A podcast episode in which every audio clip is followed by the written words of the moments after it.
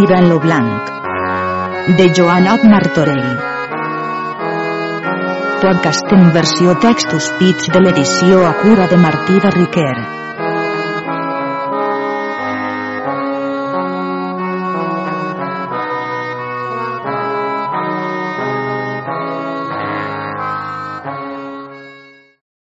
Episodi 4.1 Part quarta, tirant al nord d'Àfrica. Capítols del 297 al 310. Capítol 297. Lamentació que fa tirant, corrent en la mar fortuna. Oh Senyor, verdeu omnipotente misericordiós. A quina és estada la mia trista sort de gran desaventura que en tan gran treball e cruel infortuni vengut sia? Oh miserable de mi! E com ha permès la tua divina bondat que jo haja a morir en la cruel mar, em haja a combatre los peixos. No s'ho pogut morir en les forts batalles dels turcs, e ara morre sense poder fer resistència alguna. Perquè no morí en la fort batalla del senyor de les viles Hermes, puixa tanta pena havia finir la mia trista vida. Lloada sia la majestat divina, a qui plau que per los meus grans pecats jo reba tal punició segons los mals meus meriten. Oh trist de mi, que no em dol la mia cruel mort, mas dol-me aquesta donzella que haja ser punida per los meus defals, o per mi restarà en tribulació e fora de tota esperança. Oh tirant, ves aquest dia triste desaventurat per a tu, que no et val força ni ardiment, car tu bé pensaves que cavaller qui en tot lo món fos no et pogués vèncer ni subjugar, e ara estatés als termens de la mort, e no saps qui et mata ni per quina causa. O senyora princesa, qui sou fenix del món, a Déu fos plasent vos fosseu ací present, perquè vésseu los darrers dies de la mia trista vida, perquè us pogués demanar perdó de tantes ofenses que us he fetes, per bé que no sia de mon propi costum, mas per relació de falsa gent. O viuda ficta és reprovada, ja fos plasenta la divina providència que em donàs tant temps de vida, sol perquè et pogués premiar de les nefandíssimes maldats que tu amb tan poca temor de Déu i vergonya del món has comeses, car per tos pecats muir jo i tots los altres, e seràs estada causa i destrucció de la corona de l'imperi grec. O senyor emperador, ple de molta benignitat. Com vos dolríeu de mi, com muir en tan gran desaventura o cavallers del meu parentat, e com serà pres partida la nostra companyia, e qui serà aquell qui us puga ajudar-me traure de presó. O excel·lentíssima princesa esposa mia, vos hereu lo meu confort i restauració de la vida mia.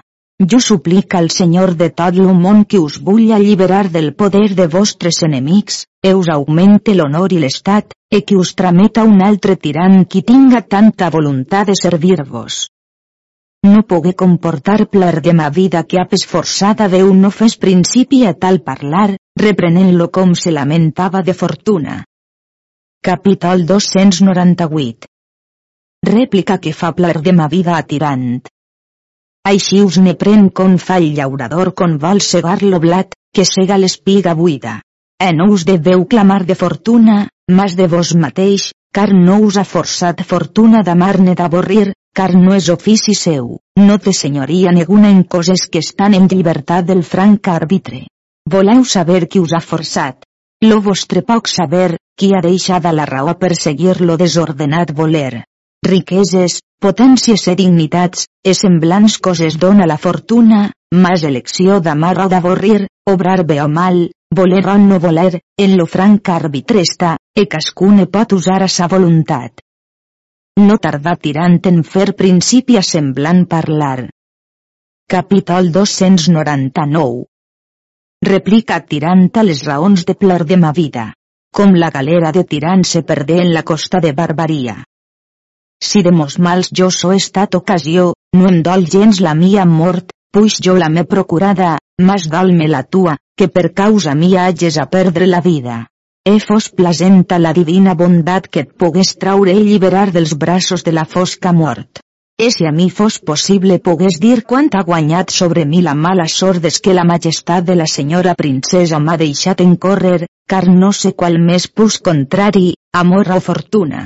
E fantasien contínuament en la majestat sua, tinc la sua imatge davant los meus ulls. He deixant-me de vanes paraules, perquè tenim la mort veïna, dic que no som ara en temps ni en hora de tenir moltes raons sinó recórrer al divinal auxili, perquè suplica la misericòrdia del meu Senyor Jesucrist que vulla haver mercè de la mi ànima i de la tua. Et girant-se a l'altra part, veu lo gran plan que los mariners tenien, e veu lo còmit de la galera, qui era lo millor mariner de tots, retre l'ànima a Déu per so com era caiguda una corriola li havia dat al cap llevàs un galiot, anà tirant e dix-li ab gran esforç. Senyor, manau que la gent llancen l'aigua que dins la galera és. Veus ací un bastó, ap aquest en la mà, cuitau per tota la galera, car lo comit és mort tota la gent està esmallada, car vence prop de la mort. Feu-hi gran esforç que buiden, car si podem passar aquell cap, nosaltres podem acampar la vida, car més val de dos mals prendre lo menor, so és, que si am catius en poder de moros que si perdíem les vides. Tirant al lo capedix. En quines mars som? Senyor dix lo galiot, veus allà senyalant les mars de Sicília, e aquestes són les de Tunis eh perquè sou persona virtuosa me dolc més de vos que de mi, car la fortuna vol que havem de perir en aquesta trista costa de barbaria, en semblant cas cascú deu demanar perdó a l'altre. Tirant-se llevar prestament, si bé l'espantosa mar li feia gran mal que llevar no es podia, e feu tot lo que li fon possible, mas veu que l'escandalare la cambra d'enmig de lo pallol, tot era ple d'aigua. Tirant, que hagué vist tot això, feu-se traure les millors robes que tenia e vestir-les-se, he pres una bossa amb mil ducats a punt escrit que posa dins qui deia, pre que suplica qualsevulla que lo meu cos en son poder vinga, per gentilea, amor o pietat, al meu cos li vulla dar sepultura honrada, com jo sia tirant lo blanc, del llinatge de Bretanya, e d'aquella singular conquesta de roca salada, capita major de l'imperi grec. Com açò fon fet, era passat migdia, e la galera com més anava més s'omplia d'aigua, e molt més entre ells creixia l'odol, e l'amor s'apropinquava. Essent prop de terra, los moros veren venir la galera, e venia a ferir en aquell lloc on ells desitjaven, e los cristians veient que de morts o de catius excusar no es podien. En aquell cas tirant tornar a reclamar la Mare de Déu, Senyora nostra, dient semblants paraules. Oh Mare piadosa e misericordiosa dels pecadors, tu qui fuist vergeans del part, en lo part te après lo part, que així com jo verdaderament crec això, que així hages mercè a la mia pecadora ànima. La galera fon prop la terra i tota la gent se llançava en mar, cascú per lliberar la vida. En aquest cas era ja quasi nit escura. Com tirant veu que los mariners cascú prenia son partit, no es volgué ja més partir de la galera, per so com en la galera no hi havia barca ni corda ni rem, que tot no fos perdut, prega tirant a dos mariners fels amics seus, d'aquells qui eren venguts a pell en la sua nau com l'Armany Bretanya, que tinguessin per recomanada a la donzella, e tant los pregals promès, que ells ho emprengueren. Despullaren la tota nua, e ja quasi la galera era tota davall l'aigua, he pres una planxa de suro qui estava lligada a un ferro, a un ganivet tallar la corda, i lo mariner lligar-les en los pits, e la donzella abraçal per les espaldes, l'altre ajudava-li a sostenir. Den colp de mare donable de ma vida i els mariners e llançals los uns de sa, los altres d'allà, lo qui portava la planxa de suro, a l'embaràs de la corda a la donzella, per restaurar-la ell s'ofega, l'altre mariner ajuda a la donzella tant com li fon possible, e a la fi fon forçat la desemparàs. E fon sort que es troba tan prop de terra, en nit escura, que sentien la gran remor que los moros feien per prendre los cristians. La donzella tocava dels peus en terra, e trobant-se desemparada, aturàs que no volgué eixir en terra, mas acostàs més a terra per no estar en tan gran fons, mas venia l'ona algunes vegades que tota la cobria. E anant vora terra per l'aigua, apartàs dels crits per dubte que no la matassen, car veia que los moros ells se mataven los uns a los altres sobre lo pendre dels presoners, qui més ne podien prendre, e a los rellams que feia, veia relluir les espases vora la mar. E tota no se n'anà per l'aigua seguint la vora de la mar, e com sentia venir algú, entrava sent tota de just l'aigua, e estava així fins que eren passats. la pobra de plar de ma vida, nua i crua, sens vestidures negunes, morta de fred, anava tots temps reclamant a la Mare de Déu Senyora Nostra que, puix la sua bona sort l'havia portada en terra de moros, li volgués deparar alguna persona que la tractàs bé. E anant així prop de mitja llegua, trobar unes barques de pescadors, entrar dins una barraca i trobar dues pells de moltó, e lligar-les l'una a l'altra a una corda prima, e posàs l'una pell davant, l'altra detrás, on trobar un poc de remei al fred, posàs un poc a dormir perquè estava molt fatigada del treball de la mar.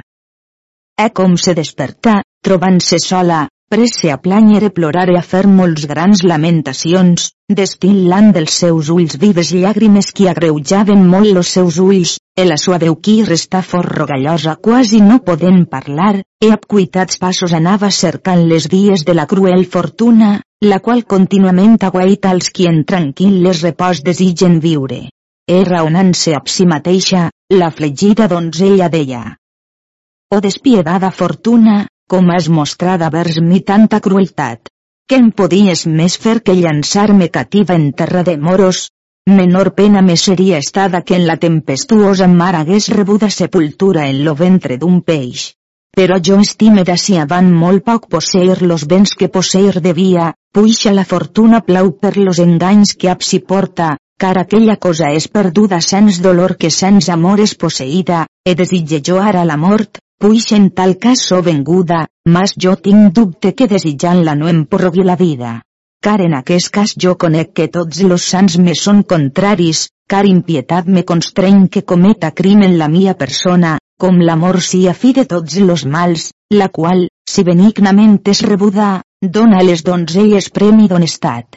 És certa cosa és que jo fini de la tendra castedat mia amor delitosa, per finir la mia penosa vida amb conservació de ma fama, car viure és morir, qui no espera haver alegria.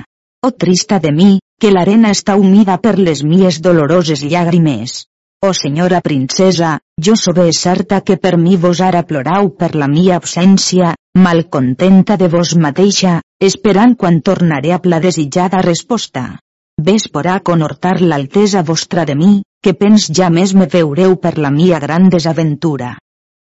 Estant en aquesta dolor que ja era prop del dia, sentí venir un moro cantant, amagàs prop del camí perquè no fos vista d'aquell, com aquell font passat, veu-li la barba tota blanca, pensant si que aquest moro vell li daria algun bon consell, e acostàs al vell moro e recitar-li tota la sua desaventura. Lo moro, mogut de gran pietat ven la donzella jove de gentil disposició, dix-li semblants paraules. Doncs ella, jo veig que la fortuna t'ha portada en aquesta misèria, jo vull que tu sàpies com jo fui gran temps catiu en poder de cristians en Espanya, en un lloc que havia nom Calís. La senyora de qui jo era catiu, ven la mia gran servitud que jo feta li havia, se seguí un cas, que, tenint ella un fill, enemics que tenia li vengueren per matar-lo, e certament l'hagueren mort sinó per mi, car per ma valentia plespasa en la mà lleví de terra lo fill de ma senyora, en afrin dos, los altres fiu fugir, e per aquell esguard jo fui posat en llibertat per la senyora, vestint to de nou e donam diners per a la despesa e feu-me posar a ma voluntat dins en Granada. E per aquesta gentilea que aquesta senyora me feu, tu hauràs lloc en mi, e com jo tinga una filla viuda, la qual, per contemplació mia, ella et tendrà en estima d'una germana pler de ma vida prestament donar dels genolls en la dura terra, e feu-li infinides gràcies. El moro se despullà en el bornús que vestia donar la de ma vida, e los dos se n'anaren en un lloc qui prop de Tunis estava, qui es nomenava Rafal. Com la filla del moro veu la donzella així jove de tan gentil delicadura, tota despullada, pres-li molt gran compassió, el o pare li pregà li fes tota aquella millor companyia que pogués, el li dix. Sàpies, ma filla, que aquesta és filla d'aquella senyora qui em posa en llibertat, e per la bona companyia que em feu, e la gràcia que d'ella aconseguí, en aquesta li vull retre les gràcies. La filla, per la molta amor que al pare portava, ap amor infinida rebé la flegida donzella, e dona-li una camisa i una aljuba a punt al quinal, e no era negu qui la ves que no la tinguessin per mora. Ara tornem a tirant, que poc après pler de ma vida fon eixida de la galera a plos dos marins a qui tirant l'havia comanada, ell restà a punt mariner fins que la galera fon tota plena d'aigua, la qual se n'entrava a fons. Llavors tirant acordà a plo mariner de llançar-se en mar, que mitjançant l'ajuda del mariner s'hi podia eixir en terra, per bé que tirant tos temps tingué creença que en la mar o en la terra ell no podia ser estalvi de l'amor per so com, sabent los moros que ell fos tirant, capità dels grecs, qui havia fet tant de mal als turcs, no el lleixarien a vida per tot lo tresor del món.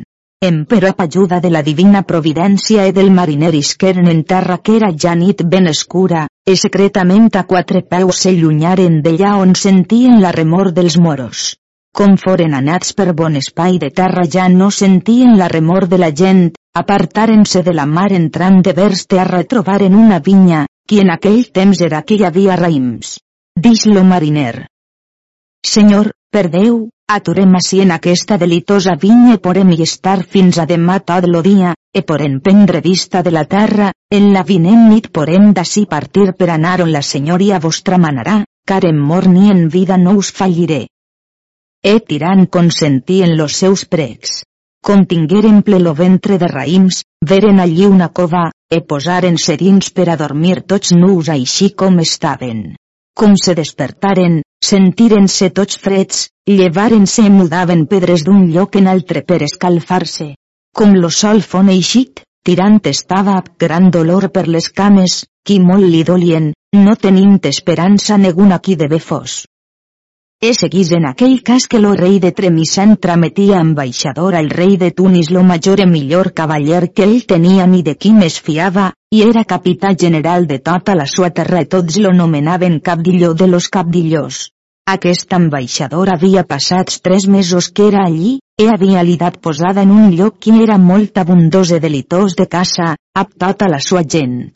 E fonsor que aquell matí ell isqué, per prendre delit, a falcons e llebrers, e caçant trobaren una llebre, e per ésser molt correguda per los cans e per los falcons, no podent haver altre reparo, entrasen dins la cova on tirant estava.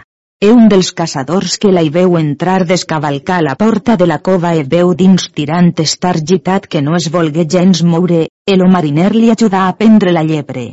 Lo caçador se n'anà dret al capità de Disli. Senyor, jo no crec que natura pogués formar un cos mortal amb més perfecció, car pintor no poguera pintar un cos més vell del que jo he vist. O fortuna, per què l'has tan perjudicat? No sé si és de falt de la mia vista, car, a mon semblant, me pare ser més mort que viu, per la color que té descolorida, amb més bella cara, el llustre dels ulls, que par que sien robins aconsats. En l'univers no pense trobàs un cos mortal amb tanta perfecció de membres. Jo l'he vist tal que crec que de dolor e mals està ben acompanyat. Lo senyor li demanà on era l'home qui tanta bellea posseia. Dix-lo moro. Senyor veniu amb mi, que jo el vos mostraré en aquella vinya, dins una poca cova. L'ambaixador amb plaer inestimable feu aquella via. Lo mariner, qui veu venir tanta gent, desemparar tirant sens dir-li res, e fugir tan secretament com pogué, que dels moros no fon vist. Ha plegat l'ambaixador a la cova, per bon espai estigué mirant a tirant, havent compassió d'ell, e a gest de cara d'humilitat, a estil de tal parlar feu principi. Capítol 300 Lo conor que fa l'ambaixador a tirant. La gran bellea que veig en la tua persona porta dins mi pietat molt profunda, e com si a cosa acostumada als homes, per grans senyors que sien, que s'esdevé que són presos en batalla, en mar o en terra o per naufraig, així com ara la fortuna portat a tu, e per so, si virtuoses no et deus desconfortar, car encara que la fortuna t'haja portat així, no et deus desesperar de la misericòrdia d'aquell gran Déu qui tot lo món governa, car jo et jur per lo nostre sant profeta Mafomet, qui t'ha alliberat de tan gran perill i t'ha feta gràcia que si és vengut en mon poder, com jo veja que natura no ha fallit en formar lo teu cos de tanta singularitat, no crec menys que ell no haja dotat de moltes virtuts, jo tinc tres fills. Tu seràs lo quart, cridà el segon fill i dix-li, Aquest com a germà hauràs après dija tirant, e si plaer me volràs fer, te prec de les tues fortunes me faces cert, com les desitge molt saber.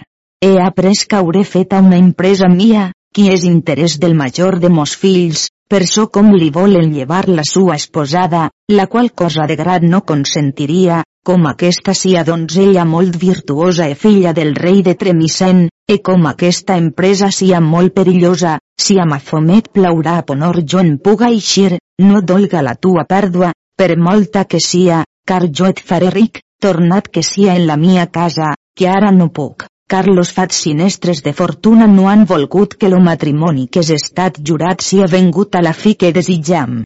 O oh, cristià, jo et veig molt planyer, digues-me de què et dols, que de la tua boca sent eixir dolorosos sospirs, precte que m'ho digues ab confiança de ton bé. Acabant l'ambaixador moro tals paraules, tirant-se font llevat, era veu esforçada, en semblant estil a son dir feu principi. Capítol 301 Com Tiram feu relació ficta de sos fets a l'ambaixador.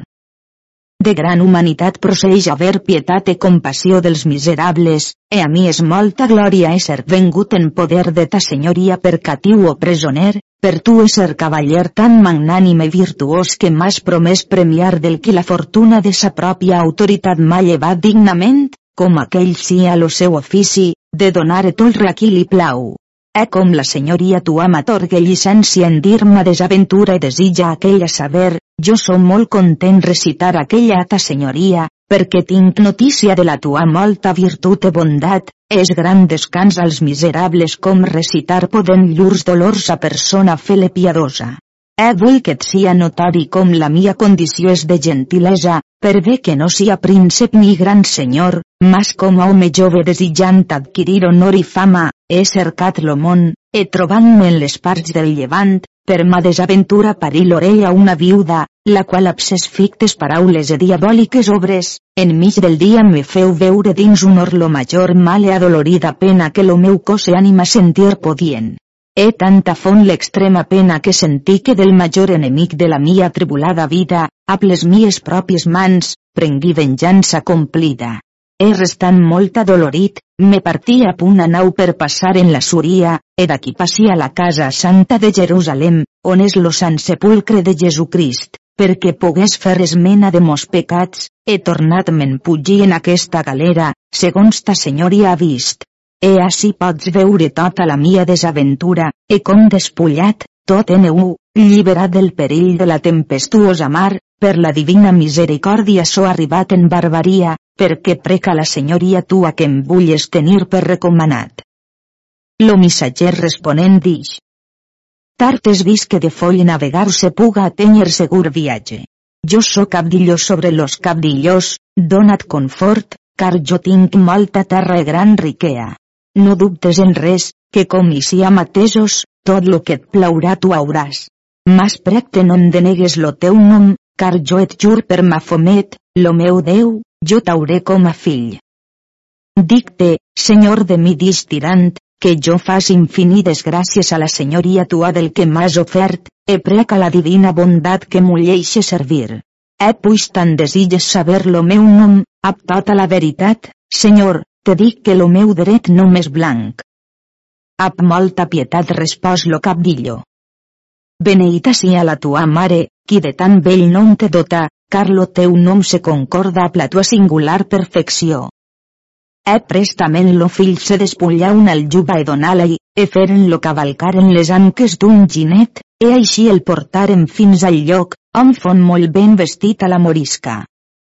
E perquè lo rei de Tunis no sabés nova d'ell, per so com en sa terra l'havien pres, lo feu cavalcar en una gembla, e tramés-lo en un castell dels seus, que el tinguessin bé guardat perquè no se'n fugís. Com tirant se veu vestit hagué vistes les afables paraules del cabdilló sobre los cabdillos, pres molt la consolació en si, e giràs de vers la mar alçant los ulls al cel reclamant a nostre Senyor Déu e a tots los sants que la mar mudar degués los seus costums, car lo vent i la mar seren concordats en la sua desolació, així com l'home qui està en l'extrem de la sua fi no troba lloc per on se'n puga anar.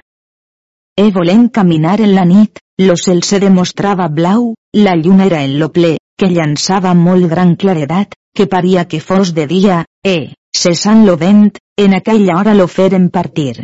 E lo primer pas que donà eixint de la casa, caigué tot estés a plos braços oberts estesos. Digueren tots los moros. Això és un gran mal senyal com aquest catiu cristià és caigut a plos braços estesos, poca serà la sua vida. Tirant-se fon prestament llevat, qui havia entès tot lo que los moros havien dit, e dix. No deu llevat bon juí, car jo non blanc, e la lluna és clara, blanca bella ara en aquesta hora que sóc caigut, e la lluna resta en dret del meu cap e dels braços senyalant lo camí que jo dec fer, e no és restada atrás ni al costat, e les mies mans són restades obertes esteses de vers la lluna, perquè demostra que jo, a ajuda de la divina potència, tinc de conquistar tota la barbaria. Tots los moros ne feren grans rialles e tingueren o per una burla tiraren son camí tant que per ses jornades arribaren en un fortíssim castell. El o fill d'aquest cabdillo era lluny d'allí tres jornades, lo qui era esposat de la filla del rei de Tremisen, e digueren-li com son pare havia tramès allí un presoner cristià, lo qual era home de molt bella disposició i de bona gràcia. L'esposat manà que fos ben guardat i li posassen cadena i grillons, e així fon fet. Tira en resta molt agreujat e tornar a entrar en sos trists pensaments.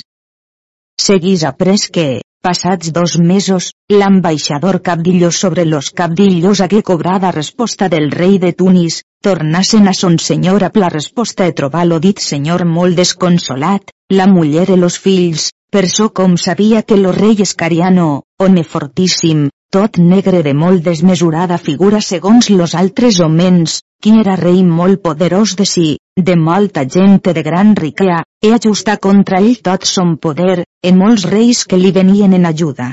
En especial li era molt parcial aquest rei de Tunis, e per so detingué tant al cabdillo sobre los cabdillos a la resposta, per so que aquella hagués ajustada tota sa gent. Aquest rei escariano confrontava la sua terrible regne de Tremisen, e volia que li donàs sa filla per muller a lo tresor que tenia, e après son opte li donàs tot lo regne. Aquest rei de Tremisen era de flac animó, e tramés a dir al rei escariano com tenia esposada sa filla a plo fill del cabdillo sobre los cabdillos, e que ell no devia voler donar qui d'altri fos posseïda, encara que la tenia prenyada, perquè li consellava que en sa casa no volgués tenir ni criar fill d'altri, però que si ho feia per cobdiciar del tresor ajustat que tenia, ell era content de partir a pell perquè ell deixàs estar en pau a ell i a sos fills. Lo rei Escariano li tramés a dir que ell no flixaria que no hagués sa filla a plo tresor, e los altres fills ell los volia tenir en custòdia sua dins un castell.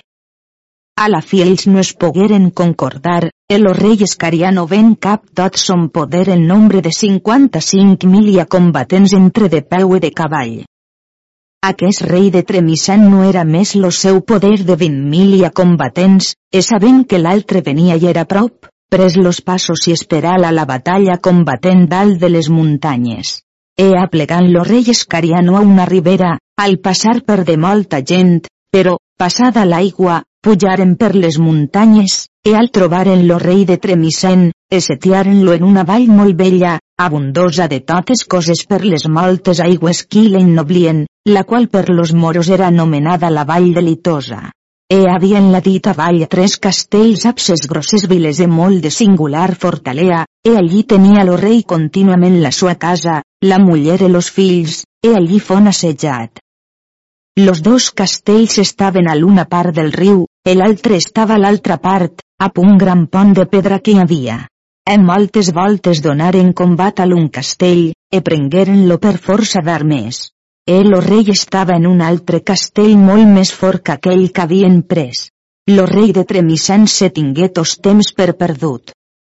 Lo capdillo, com fugir de la batalla, vencen en lo castell seu on tirant era, car no volgué recollir en lo castell on lo rei era, mas dija son fill. Tu deus ser més desitjós de l'amor que no és ser desposseït de l'esposada, la qual ve de tan gran i altra sang, perquè et mane consell que te'n vages a ton senyor, e servint aquell faràs com a bon cavaller, segons los teus han acostumat fer, e qui servint son senyor pot fer armes braves no deu cercar de domèstiques. E si és en record com honor t'ha fet en tant al grau pujar, car en semblant cas dona la sua glòria qui la sap per casar. E si lo teu bon voler és perfecte per complir les coses que honor si porta, dretament iràs ja on és ton senyor, e jo veuré si remei poré dar a alguns prínceps, per alguna via indirecta o directa, si poren llevar-lo siti d'allí on està. Respòs lo fill dix. Senyor, jo som molt content anar davant aquell famós rei e monsenyor natural, deliberant fer mort de vida pell.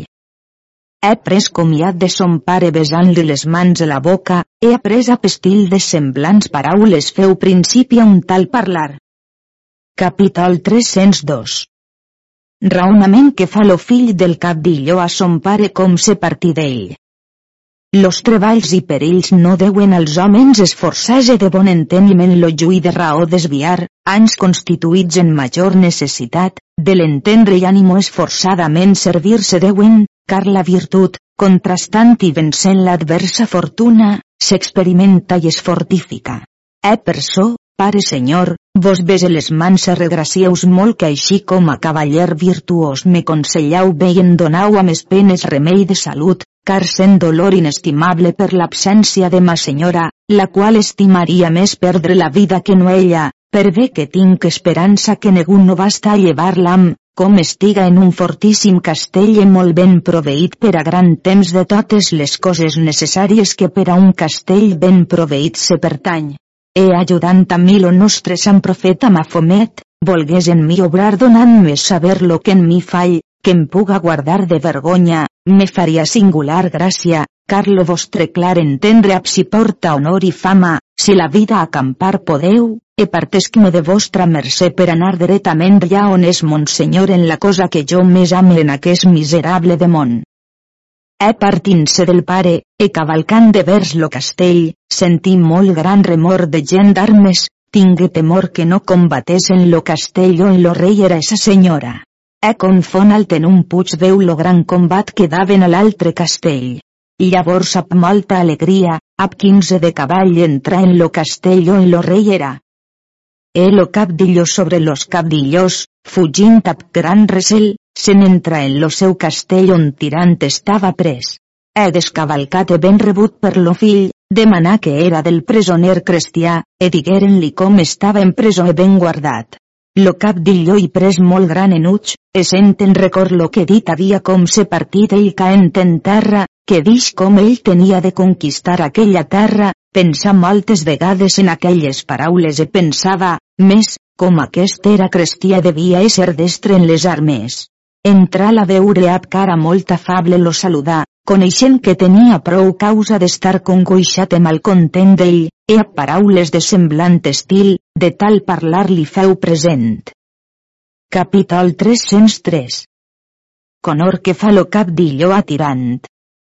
Precte, cristià valerós, que no t'agreuges perquè est estat tan maltractat per mon fill, car jo et jur per ma fomet que no és estat fet per manament meu ni ab ma voluntat, e no tingues creença que jo haja tingut tal pensament, ans mon deliberes estat, en aquest temps que no t'he vist, de tenir-te en compte de fill, com conega que n'és mereixedor, e precte que et vulles alegrar e conhortar, perquè jo tinc esperança que per mitjà teu jo de que serà consolat.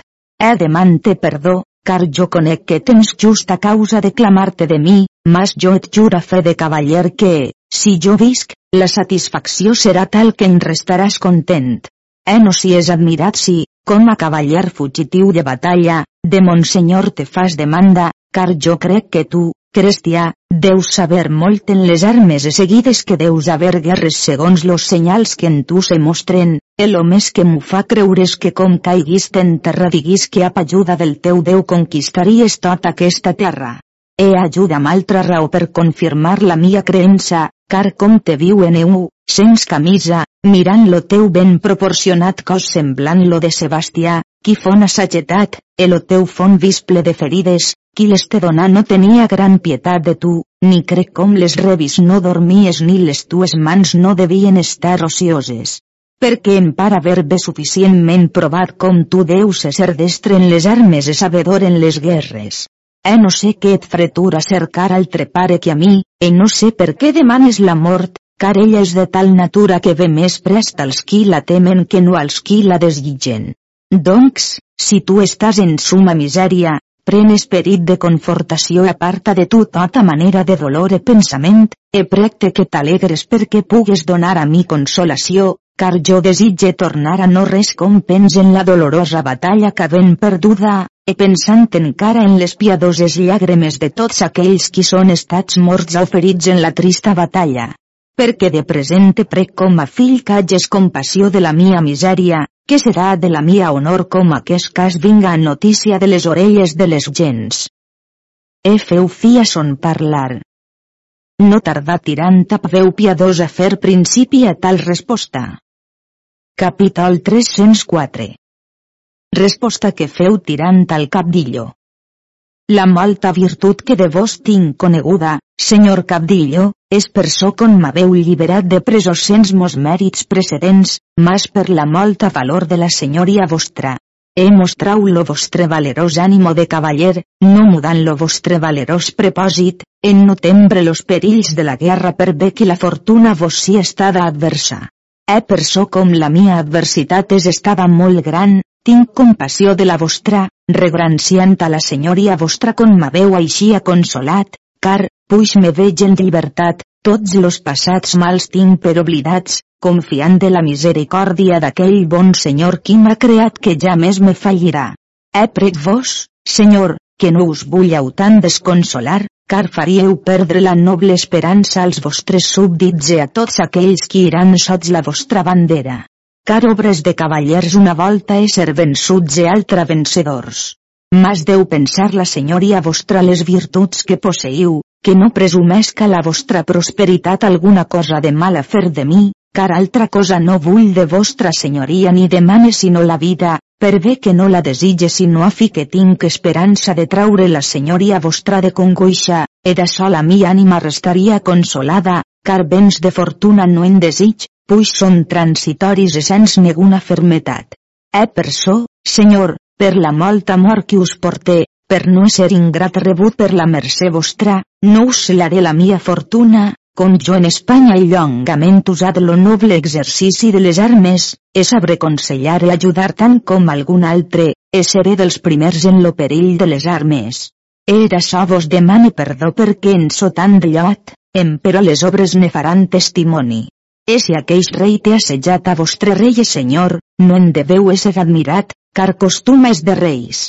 E si temeu que les bombardes no derroquen lo castell, si coneixeu que en d'agafer plaer a la senyoria vostra, jo les rompré totes quantes n'hi haurà. E lo cap d'illo fon molta consolat de tot lo que Tirant havia dit, e feu-lo posar en ordre per partir prega molta Tirant se'n portàs les coses necessàries per rompre les bombardes. Respost Tirant te dix. Senyor, certa cosa és que l'home pobre, segons dient los passats, per fer obrar alguna virtut han de necessitat mester algun tanta abundància de béns, car en la benaventurança política l'hom del tot pobre no pot ser dit benaventurat, car difícil és al molt mester pogués obrar ninguna cosa virtuosa. Per bé que diu Salomó que la pobretat és infinida rica i ben no conegut, car tan basta la pobretat com natura mester ni requir. Llavors lo cap d'illó li feu dar lo millor cavall que ell tenia, e armes e prou diners. E tirant comprar una fel de balena, la qual era molt vella, e pres argent viu, e salmitre, e vidriol romà, ap altres materials, e feu de tot un guent, e posal en una capsa e donal a son senyor qui en aquell cas era. E partiren del castell tan secretament com pogueren, passaren la ribera, en la nit se recolliren en l'altre castell, e d'aquest fins a l'altre on lo rei era distava un quart de llegua. Com tirant a reguardejada la terra, veu en la ribera un pont de pedra, enmig de la gran horta eren alleujats tots los enemics, així que no era negu gosàs passar lo pont, e si ho feia no donàs en poder d'enemics. tirant dix llavors al capdillo que li donàs un moro no conegut, de qui ell pogués fiar, e que li fes donar dos-cents moltons, e prestament li foren dats. E tirant vestís un caputxo de pastor mostrant ser hermoso d'aquell altre. El o rei Escariano, sabent que no era negu qui noure li pogués de sos contraris, acompanyat de gran multitud de gent d'armes era estat vencedor de la batalla, no estimava res als enemics, feia tirar contínuament 37 bombardes, entre grans èpoques, e això tres voltes lo dia, ja havien derrocat més de la meitat del castell. E havia fet a fer crida que tots los qui portarien vitualles al camp fossin guiats anant, venint estant.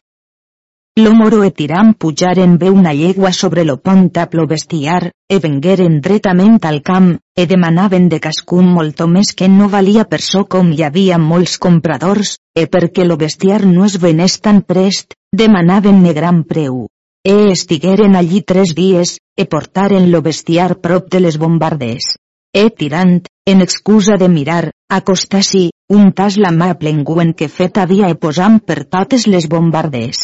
El engüent era compost de tals materials que ninguna natura de metall que en si ha tocat torna ferrigible sol que hi estiga per espai de tres hores, que al disparar que la bombarda o ballesta fa, per força s'ha de rompre.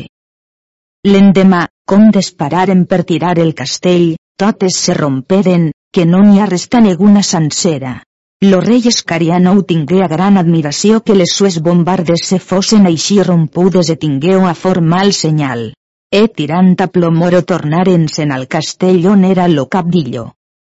He ordenat tirant que fos rompuda una arcada del pont, e feren-hi un pont de fusta llevadís, amb cadenes de ferro per alçar-lo a ballar. Après que això fon fet, prestament d'allà lo pont feu ficar de grosses vigues e feren allí un palenc.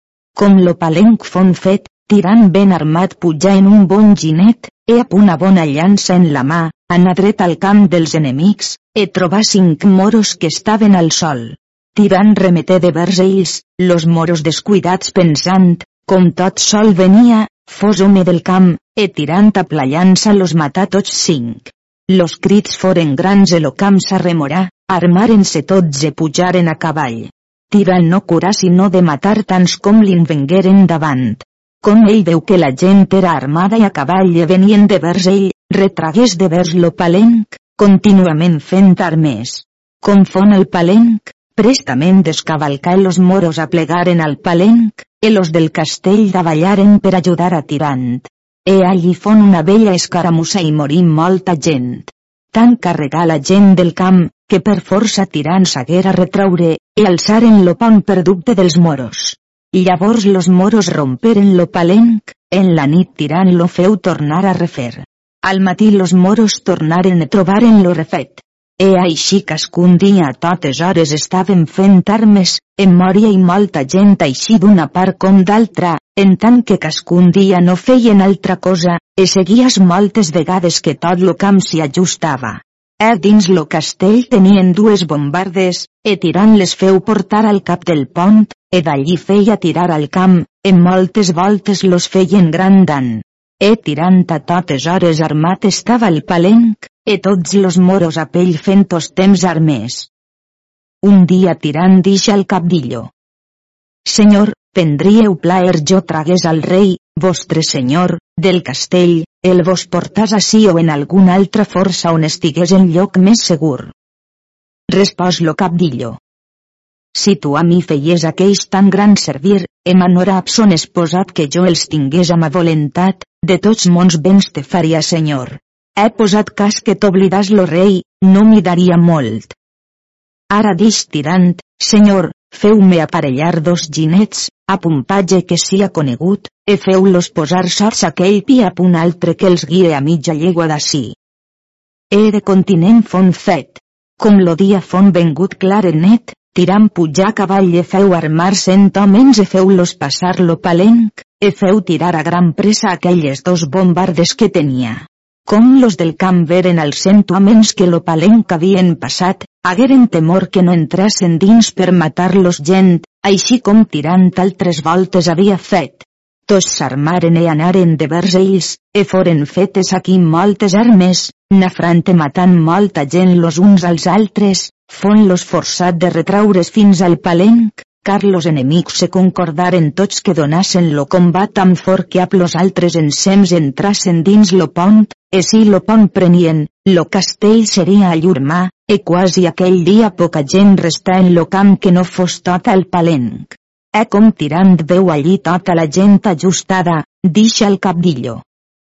Senyor, teniu vos ací cara a aquests tant com poreu, e jo iré allà on de canar e ferí fort dels esperons, e feu la via d'allà on era l'opatge qui l'esperava.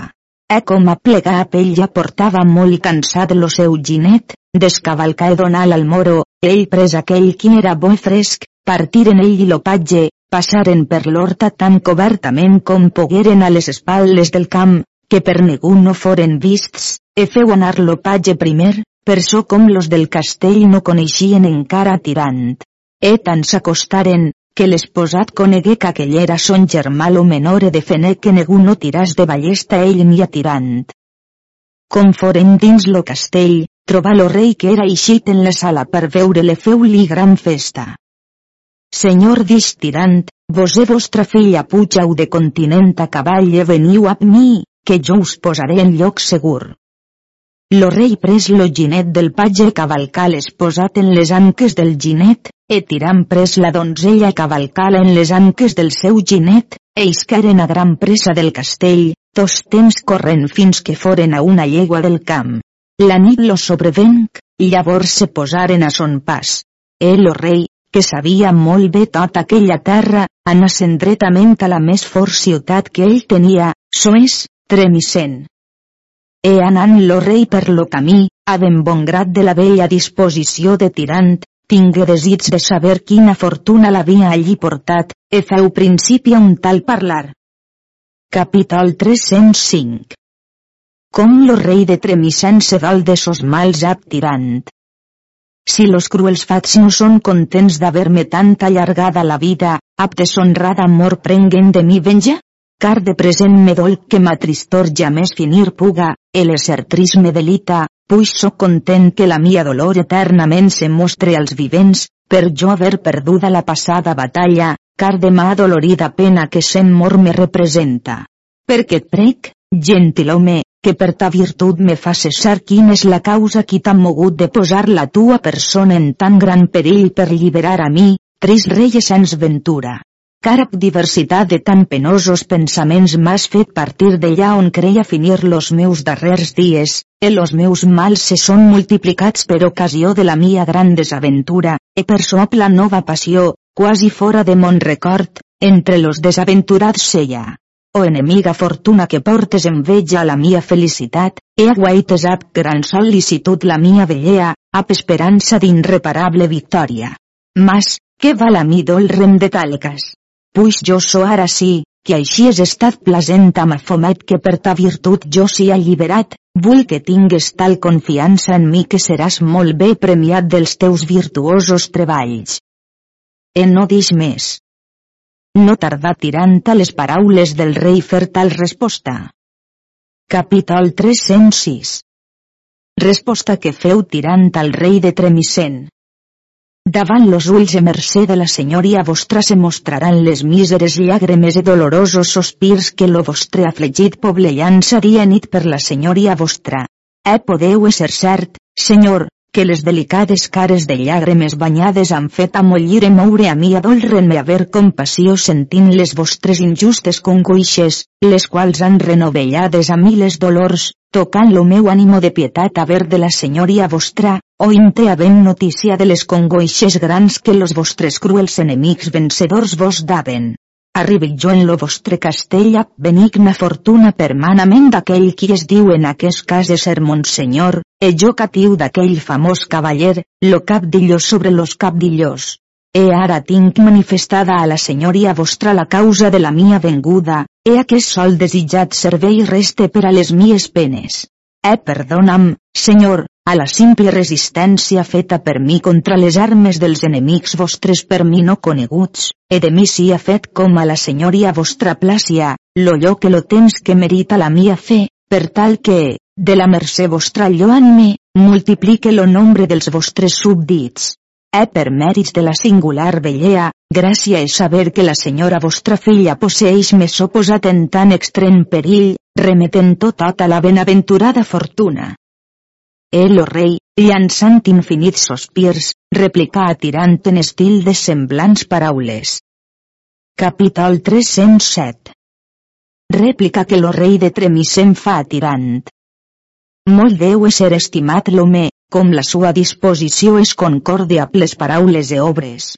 He de tu tinc presumit, segons que per ocular demostració se manifesta, que natura no ha en tu fallit, comunicant-te tots los dons que natura donar pot.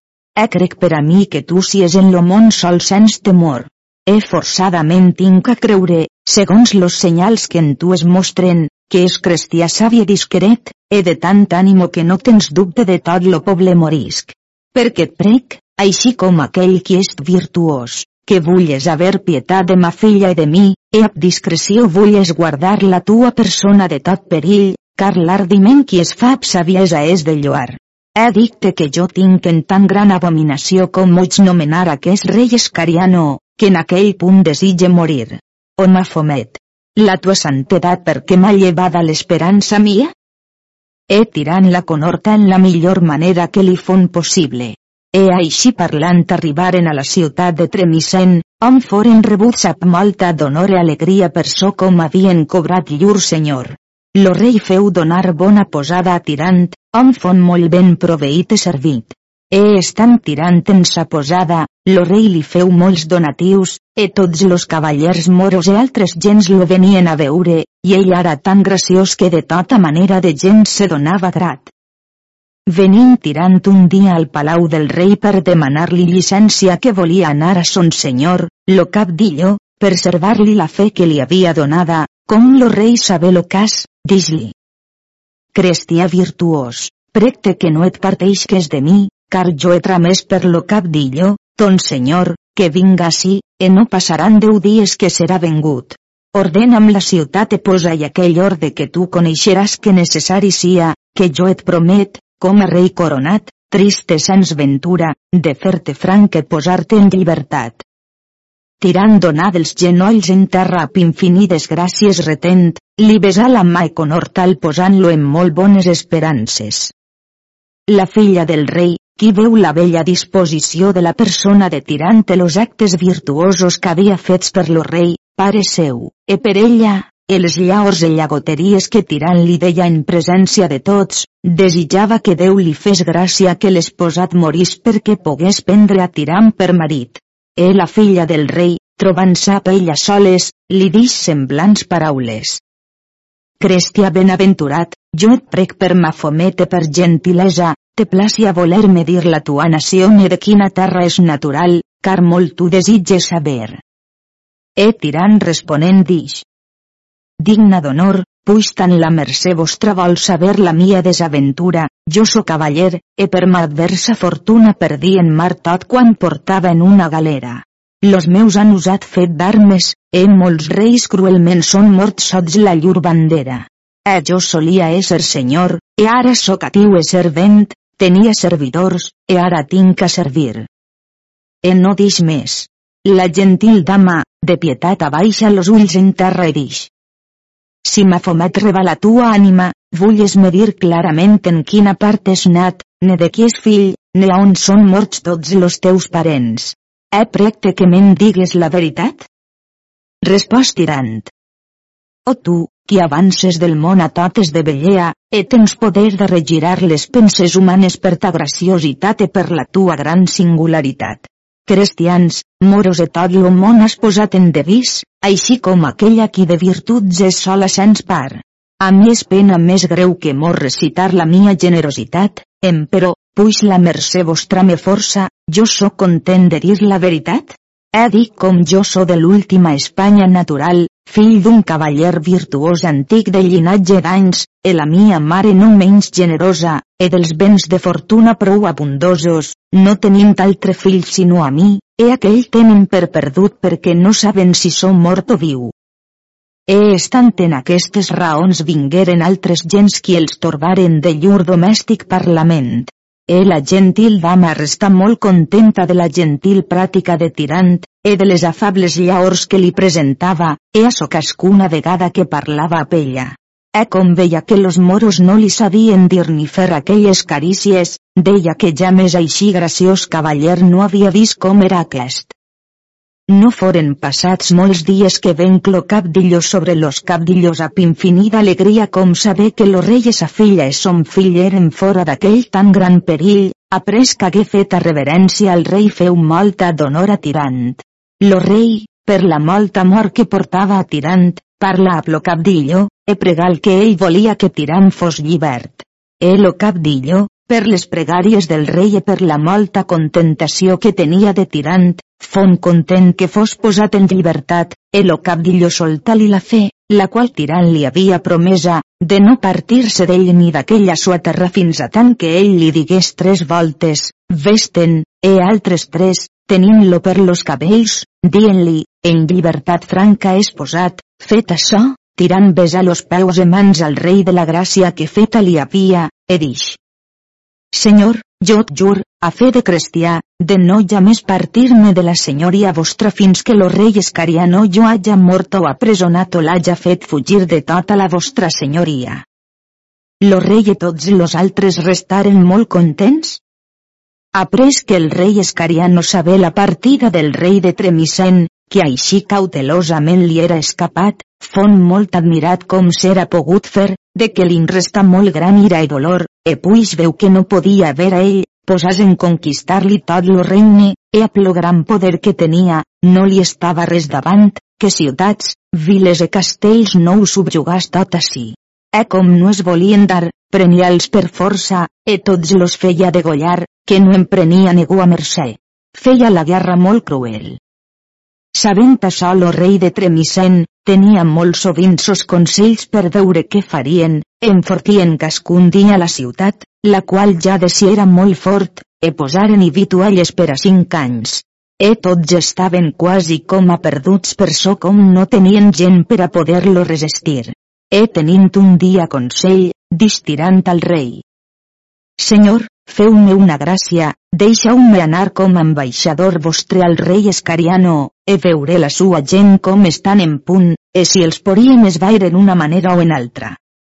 Tots lloaren lo seu consell, mas los més del consell tenien dubte no se'n passàs a plos enemics, així com feien molts d'altres, cara cascú plau lo vencedor. Tirant se posà en ordre amb molta gent qui l'acompanyaren e anar dretament allà on era lo rei Escariano, e com li fon davant, ap esforçat ànimo explica-li l'ambaixada en estil de semblants paraules. Capítol 308 L'ambaixada que Tirant explica al rei Escariano. No si és admirat si ans de totes coses no t'havem saludat, car tenim-te per enemic capital, en neguna guisa on no és tengut de pregar per la salut de l'enemic. Lo rei de Tremisen me tramet així per so com moltes vegades ha oït dir molt de bé de tu e té per ser tu ésser un dels més savis reis del món, e per so està molt admirat quina causa t'ha mogut a prendre armes contra ell a pànimo esforçat, e com tu si és tan magnànim príncep deuries de ser just en no voler tenir nom de tirar, e puix te glorieges que és dreturer, no deuries fer coses injustes. Donc si consideres en ton enteniment lo moviment de ta terra, és a tu més vergonyós que honorós, e has dejectada la tua real majestat sots taca de grandíssima vergonya i infamia, no passadora tant com lo món durarà. Qui et por allò art de dreturer? Mas tendrante per mal home, e per codiciós e ple de molta maldat, rei que sens fene causa ne raó va per desposseir a negu de so del seu, car dret no hi tens ni lleis no humanen. E si tu o algú de tos cavallers volran dir que tu ho faces justament, si no amb tota maldat, jo de bon grat seré content oferir la mia persona tot per ell sostenint lo contrari, cos per cosa batalla executadora, so és, mort o vençut dins lo camp reste? E si acceptar ningú no ho gosarà, te dic no et penses que les paraules que el rei te tramet a dir per mi, que ho faça per temor que tinga de tu ni de ton poder, car jo et promet sens fallir que la cosa per tu començada no passarà sens digna disciplina. E sàpies que ell està en tal orde aparellat contra tu i los teus, mitjançant Déu, que a tals coses acostuma de prevaler als qui culpa no tenen, que en lo moviment de ton regne no sia causa de la destrucció tu en breu temps, e les dones casades tornaran viudes, e ploraran la cruel mort de tots vosaltres. Mas al meu rei plauria saber la causa de ta venguda perquè aquella puga posar en escrit per forma tal que en temps esdevenidora tot lo món sia manifesta la tua presumpció. E feu fi en son parlar. Lo rei no tardà en fer-li resposta en estil de semblants paraules. Capítol 309 La resposta que feu lo rei Escariano a Tirant. Cavaller, qui es vulla que tu sies, és tentre cuidat que sens llicència, davant mi, hages presumit parlar amb tan gran audàcia e dir tantes e tals paraules injurioses. Sinó que tos temps tot missatger pot parlar llibertament, ara de present te faria car comprar la lleugeria de la tua llengua. Eh vull que ton senyor sàpia que jo, ap just i tal, he presumit venir-li de sus, car no ignora ton senyor e tot lo món, que no ha gran temps que s'està tractat per algunes nobles persones matrimoni, ap deliberat consell de cascuna de les parts, de sa filla ap mi, e ferma, segura i donada jornada de dar compliment al matrimoni, el teu rei per sola lleugeria presumir d'envergonyir-me. Doncs, com pots tu dir que no és justa cosa lo que fas contra ell? Car en tots los dies de ma vida no seré alegre ni content fins que amor cruel l'haja portat. Mas los casos sinestres de fortuna qui algunes vegades han acostumat de venir als orgullosos, e per llur supèrbia són mesos a baix, e si fortuna tingués la culpa, jo no tinguera cura d'excusar aquella, car mal n'estic content per moltes desplacents coses que m'ha procurat. E com aquesta donzella que jo deman sots just títol de matrimoni, e com lo seu nom és molt estimat, que és maragdina, e les sues virtuts fan més estimar, perquè en món no té par. Eh per so com sé que tu és cristià tinc gran consolació en mi de parlar amb tu de les grandíssimes virtuts d'aquesta donzella, e si d'ací un any no feia sinó parlar ja més m'enujaria. E si tu has amat en algun temps donzella d'extrema amor, per lo teu mal pots presumir lo meu. Eh per quantes anys jo infant de poca edat tenia contínuament tres frares de l'orde de Sant Francesc, mestres en la sacra teologia, en moltes voltes m'induïen a tornar-me cristià, e conec bé que la llei cristiana és de més noblea e millor molt que la nostra, e m'hi haguera tornat si no fos estada la mia mare, que m'ho tolgué a les sues tristes llàgrimes, que cascun dia plorava davant mi fins a tant que de mi los frares feu partir. Mas dir-te això? Que l'extrema bellea d'aquesta virtuosa senyora m'ha tan cativat, que ja més haurés repòs fins que ella o la mort ja aconseguida.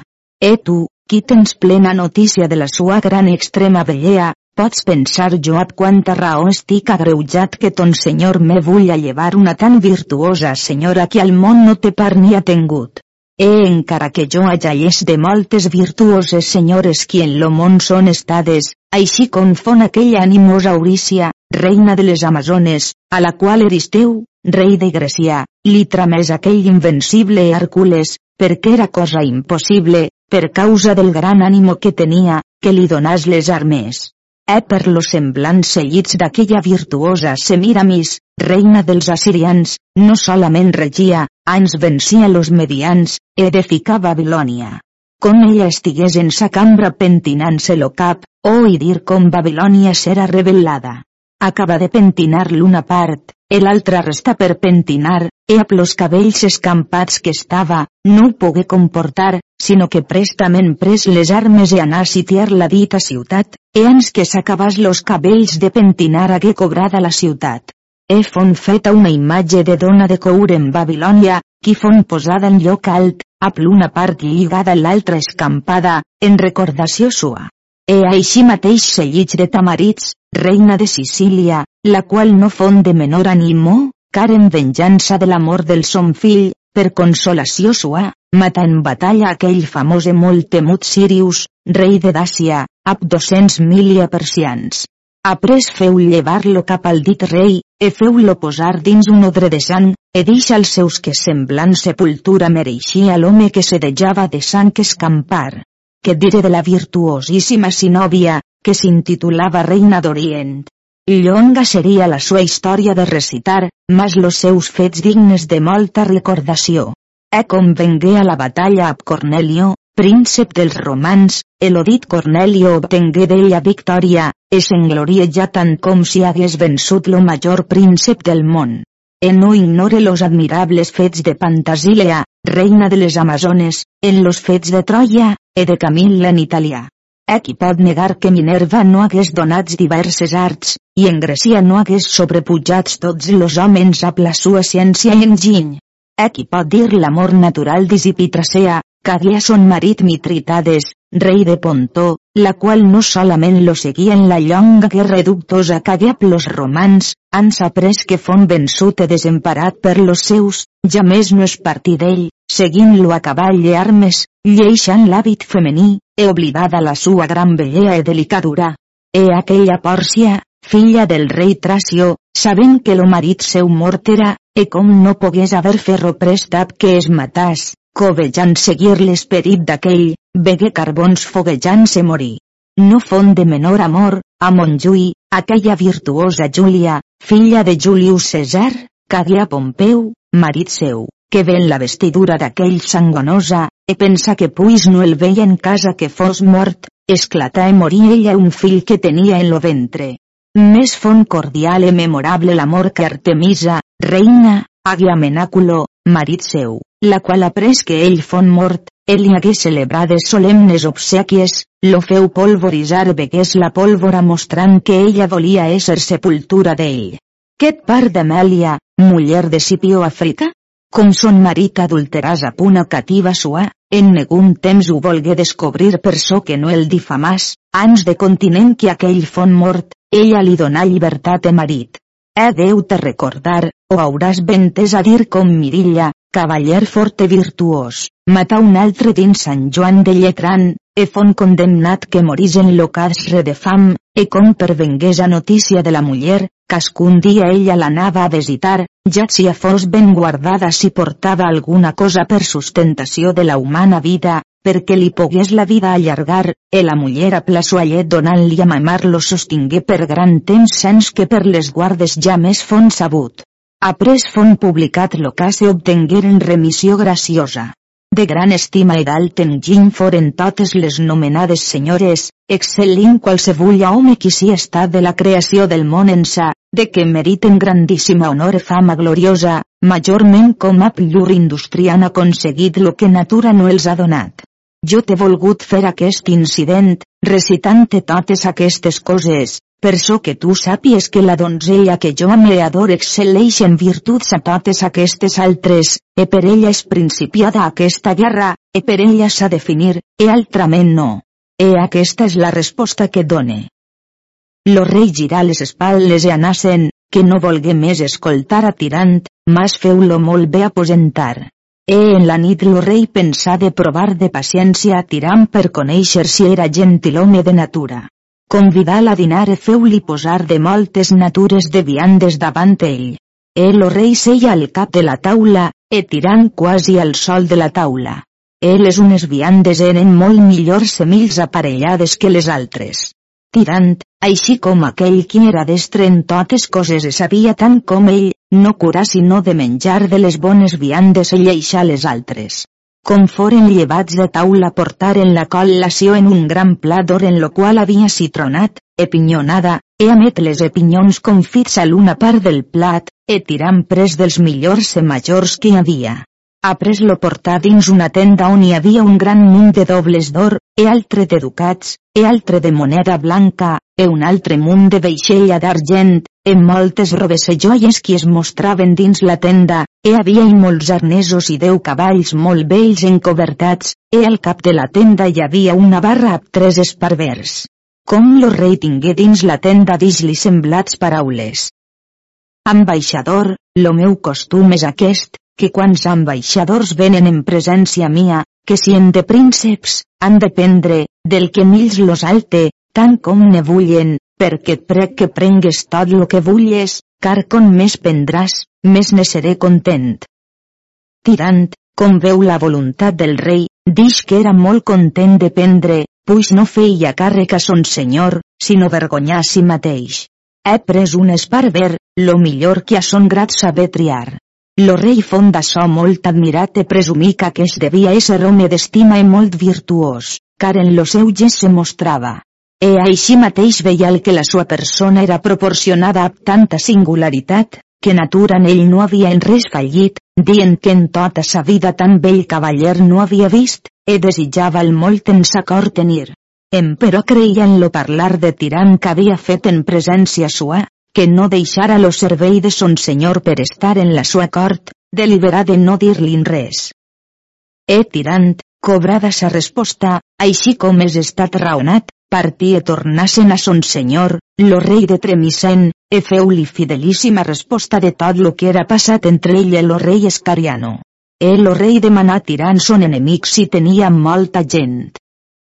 Per la mia fe dix tirant, senyor, ells són molts, e tots dies li venen gens de socors, jo no els he pogut veure tots justats, mas en vists fora de la vila, en camp, que n'estan passats 80 milia tingueren consell e font determinat que lo cap d'Illop tiram prenguessin deu milia combatents que els eren restats, que los altres eren morts i alguns que se n'eren passats als enemics. Partiren a aquella gent i anaren per guardar una ciutat que hi havia no Malinac, car si aquella ciutat se perdia, tot lo regne era perdut.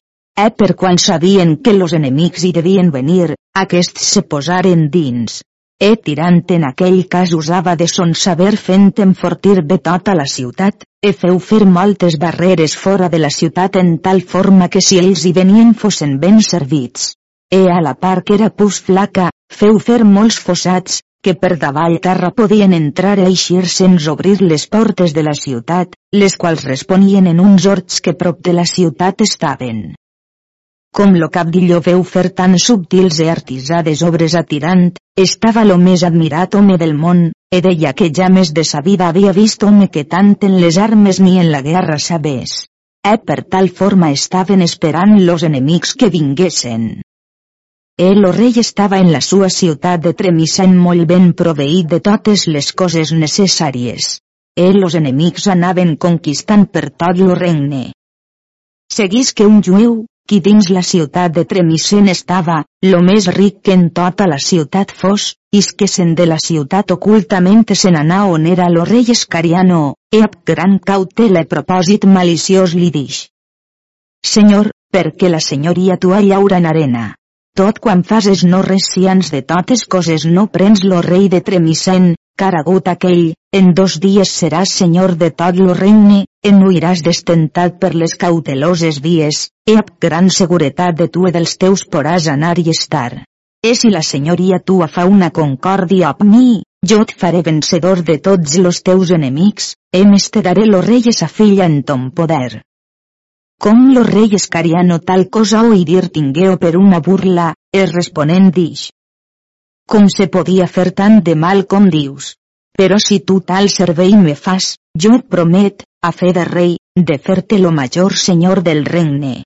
Però no puc pensar que tu pugues fer tant com dius, més te val que te'n tornes, en no vulles per fer enutjadant a ells ofenesses a mi, car no sé si esto me celerate de pèssima vida, no sabent la guait de la fortuna si seria per a mi pròspera o adversa, segons la tua opinió, que no negues a mi e fos glòria per als altres, per los meus pecats.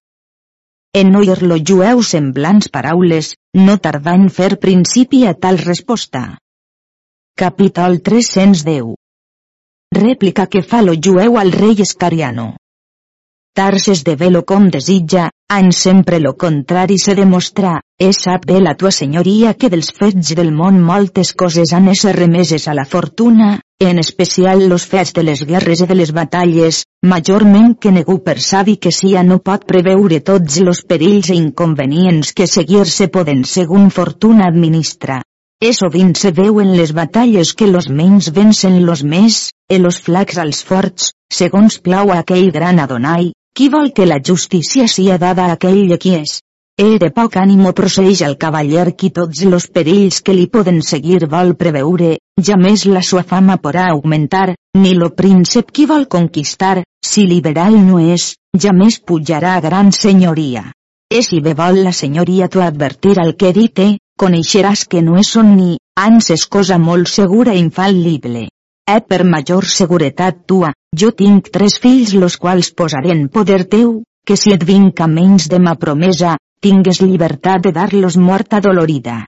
E això faré per la senyoria tua, pacte tal, com jo tinga una filla la qual desitge maridar honradament, e de mos propis béns li daré dotze mil ducats, a punt jueu que va dins lo teu camp venent-li, lo qual és jove de bona natura, estable guardia major de ta senyoria.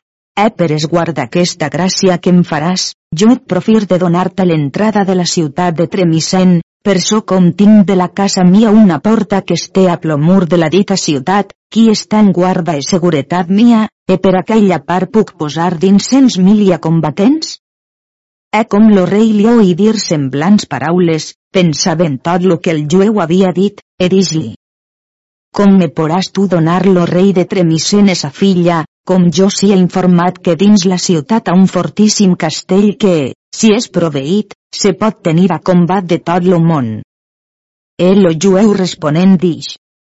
Si tu fosses estat atent a les mies paraules, hagueres entes com jo no t'he fet aprofarta de dar-te lo castell, mas la ciutat e lo rei e tots aquells qui a pell són, com lo rei estiga en son palau, qui és dins la ciutat, e per consolació so està dins en aquell, en no li plau estar, sinó en temps de gran necessitat, dins lo castell. E d'això, senyor, jo fa segura la senyoria tu a qui ho portaré a fi, la concòrdia fon feta entre ells, el jueu li promès de donar molts donatius si ell feia complir aquell matrimoni. Lo rei prestament tramés per lo guàrdia major, que és ofici qui és nomenat Mustasaf del camp, e confon davant lo rei ell li dix. Guàrdia, que és d'un jueu que tu tens, qui va venent-li per lo meu camp, Senyor dix lo guardià, ell va per lo camp usant de son ofici venent-li altres vegades remenda sabates. Ves prestament dix lo rei, e fes-l'on venir. Com lo jueu li fon davant, lo rei li demanà de quina terra era. Senyor dix lo jueu, segons oït dir a mon pare, de llong temps ençà ell i tots los seus són estats vassalls de la senyoria vostra per aquells metings jo. Ara tendis lo rei al que diré. Ja m'havien dit que tu eres vassall meu e servidor, e per so com jo tinc desig d'avançar los qui em serveixen, amar i honrar-los sobre tots los altres, he deliberat d'avançar a tu en aquesta forma, que he tractat que si ha fet matrimoni de tu Abjami, la filla de don Jacob, jueu lo més risc mercader que en tota la barbaria sia, e fer-te dar deu milia ducats a pella, e dos milia per a mi per esperons. E d'això me deus haver grat, per jo haver tan record de tu. Lo jueu, a e cara de gran esforç, feu principi a tal resposta, fengint restar iros e malcontent, com si a veritat fos estat decebut, e dix. Senyor, jo no ignore la molta magnificència de vostra senyoria que té d'haver record de sos servidors e d'honrar d'avançar aquells, e a mi és molta glòria que la senyoria vostra si estat en record de mi, qui home de tan poca condició, e d'això vos ne bese les mans e us ne fas infinides gràcies. Eh perdonen la senyoria vostra, que jo no faria aqueix matrimoni si ell me dava Déu tants més que no té. Car gran temps a que ell hi treballa, lo que ja més, per miserable que jo sia, ho veurà complit, e ens deliberaria morir que fer tan gran de falt. Com de falt dix lo rei. Tu és pobre de jacte, i ell és ric i lo més favorit i amat de totes gens de jueus que sí en tota aquesta terra. Quina deshonor te'n podria venir, ni seguir-te'n negundant. Ans cone cap raó natural que tu series, en lloc seu, amat de tots los grans senyors, car ell és bo així en les coses públiques com en les necessitats secretes. Doncs, si a voluntat pura volrà mirar la raó envers ell, lo que pot fer-ne lo que val, ab genolls nus li deuries los peus besar. No placi al gran Déu de llibertat is lo jueu que en lo meu esperit reste tanta viltat ne jamés puga habitar en mi, ne la mi ànima no consentiria jamés que tal de fal jo fes. Eh per so, senyor, que la tua il·lustríssima senyoria sàpia per quina causa me n'estic, ho diré, perquè la senyoria tuament tinga per excusat. Tots quants jueus som en lo món restats, són tres llinatges, après que crucificaren aquell sant home just qui fon nomenat Jesús, e aquest dins la gran ciutat de Jerusalem fon pres ell lligat e posat en creu. La un llinatge és d'aquells que tractaren sua mort, e si els voleu avui en dia conèixer, són aquells qui són bulliciosos que no es poden reposar, anys contínuament estan en moviment de peus i de mans, e lo llur esperit ja més està segur, que no pot reposar, e tenen molt poca vergonya. Lo segon llinatge és d'aquells qui executaren l'acte com l'assotaren el clavaren el lligaren el coronaren d'espines, e aquells qui jugaren la roba li daven de grans galtades, e com l'hagueren alçat a pla creu li escopien en la cara. E los senyals per conèixer aquests són que ja més vos poden mirar en la cara de ferm, car prestament giren los ulls en terra o miren en altra part, e ja més poden, si no ab gran treball, alçar los ulls al cel, així com fa que es jueu qui vol ser mon sogre. Teniu esment, que ja més pot mirar en la cara de la persona ni menys pot mirar al cel. Lo tercer llinatge és lo qui davalla de David.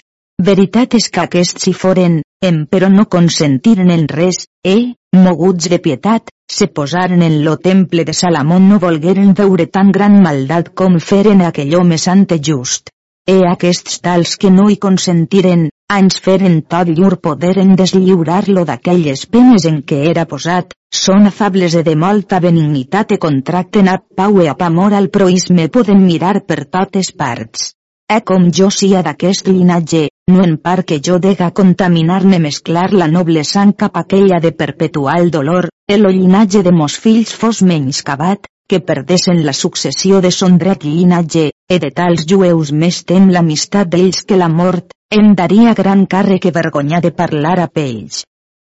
Com lo rei veu la causa perquè lo jueu estava de voler lo matrimoni, no el volgué forçar, mas pregal que en lo principi consentisen dar bona resposta a l'altre jueu. Ell los afronta. El o rei dix al jueu mercader com aquell seria content de complir lo matrimoni com la conquesta fos finida. Emperò lo jove jueu ja més parla, ni promès res de la sua boca. L'altre, puix veu que lo rei lo hi deia present l'altre, dona fe en les paraules del rei. Après d'això, lo rei concertà lo jueu mercader que per al de setén dia del mes ell seria davant la ciutat de Tremisen, e hora de mitjanit, a pla fosca, ells podien entrar. L'hora assignada, lo rei amb tots sos capitans fon davant la ciutat de Tremisen, el jueu només en oblid la sua promesa, per casar sa filla, e amb gran diligència obrir la porta de la jueria, el rei prestament entrat tota la gent feu la via del palau. Aquí donaren gran combat, e per força d'armes entraren dins, mataren lo rei de Tremisen, los fills e l'esposat de tots los altres, que a ningú no volgueren prendre a mercè sinó a la gentil dama. Après combateren lo castell no el pogueren prendre.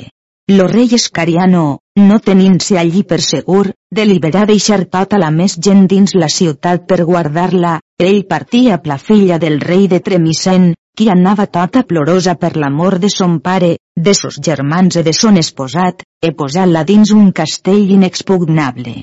E dins la vila posar la gent d'armes que havia portada, la qual allí era necessària.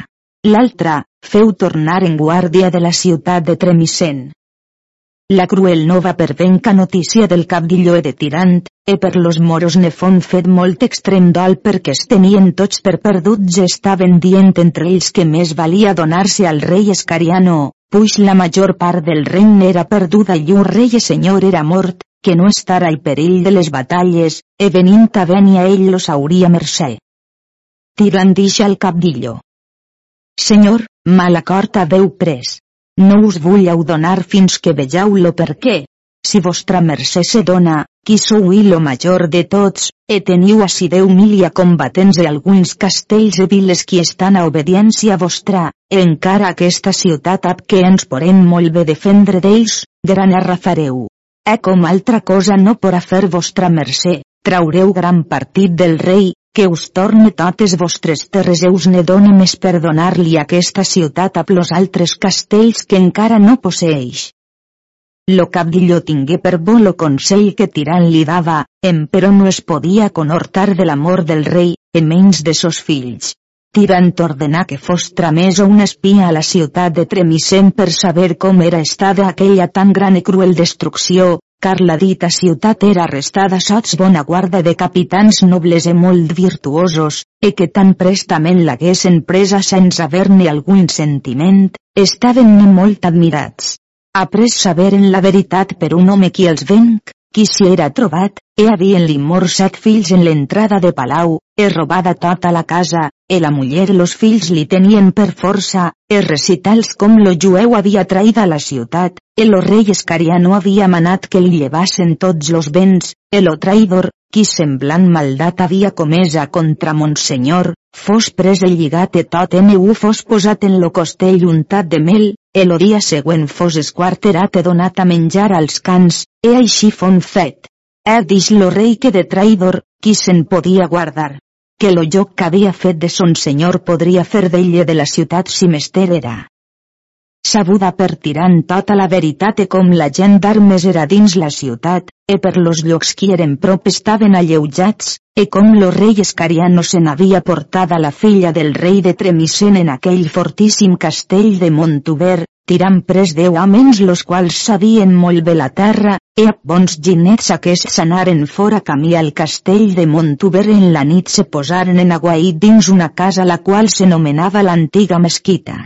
Com fon quasi dia clar, prengueren dos moros, e açò feien per saber llengua del rei on era la manera de son viure quin era, e saber com ell i la novella reina estaven alt en lo castell amb seixanta cavallers per guardar-los sense aquells qui eren asoldadats per fer la guaita de nit i de dia, e baix en la vila havia mil homes d'armes. Sabut açò, tirant los feu soltar, i ell amb los altres passaren entorn del castell per veure la disposició d'aquell. Après se'n tornà tirant dins la ciutat e ordenà cent homes pics e apeixades, e tramés-los en un pont a dix-los que si veien venir los enemics rompessin lo pont, a fi que la gent d'armes no poguessin passar, e haurien a voltar, per passar aquell riu, una bona jornada, e aquella jornada los noia molt per so com havien a voltar per molts barrancs e per molts llocs e viles que no eren en llur poder, e de la ciutat de Tremissem fins allà on era lo rei havia bones tres jornades, e de la ciutat on Tirant era fins al castell on lo rei Escariano habitava havia nou llegües. Llavors Tirant partia tota la gent i anaren davant lo castell on lo rei era. Com lo rei los veu, armes amb tots los seus Isqueren a la porta de la vila per fer armes, però tirant i lo cap d'illó no consentiren que los seus s'acostassen, sinó que corregueren tot lo camp entorn del castell, e portaren-se'n molt bestiar de gros e de menut e tornaren-se'n a la ciutat. E tirant molt sovint los visitava i mostraves davant lo castell, en moltes vegades s'hi aturava dos o tres dies, com no tenien que menjar tornaven-se'n. Seguís, un dia, que tirant isca al portal d'aquella ciutat, fatigà de sos dolorosos pensaments, e passejant-se pensava en la dolor en què havia deixada la princesa i en lo dan de plar de ma vida, e així mateix com tota la parentela sua eren detenguts catius en poder de moros, e no sabia si se n'anàs ni si los moros consentirien la sua partida. He estant ocupat en aquests adolorits pensaments, is que per lo portal de la ciutat un catiu cristià, d'albanesa nació, plorant he fet grans lamentacions per so com son senyor l'havia cruelment batut a vergues, e feia l'anar a cavar en un or que tenia a prop de la ciutat. Tirant coneixia locatiu per quant havia parlat moltes voltes a pell, e coneixia que era prou discret, haguent gran compassió, e pensant com ell no tenia negu de qui pogués fiar, cridà l'esclau e a pietat li feu principi a semblants paraules.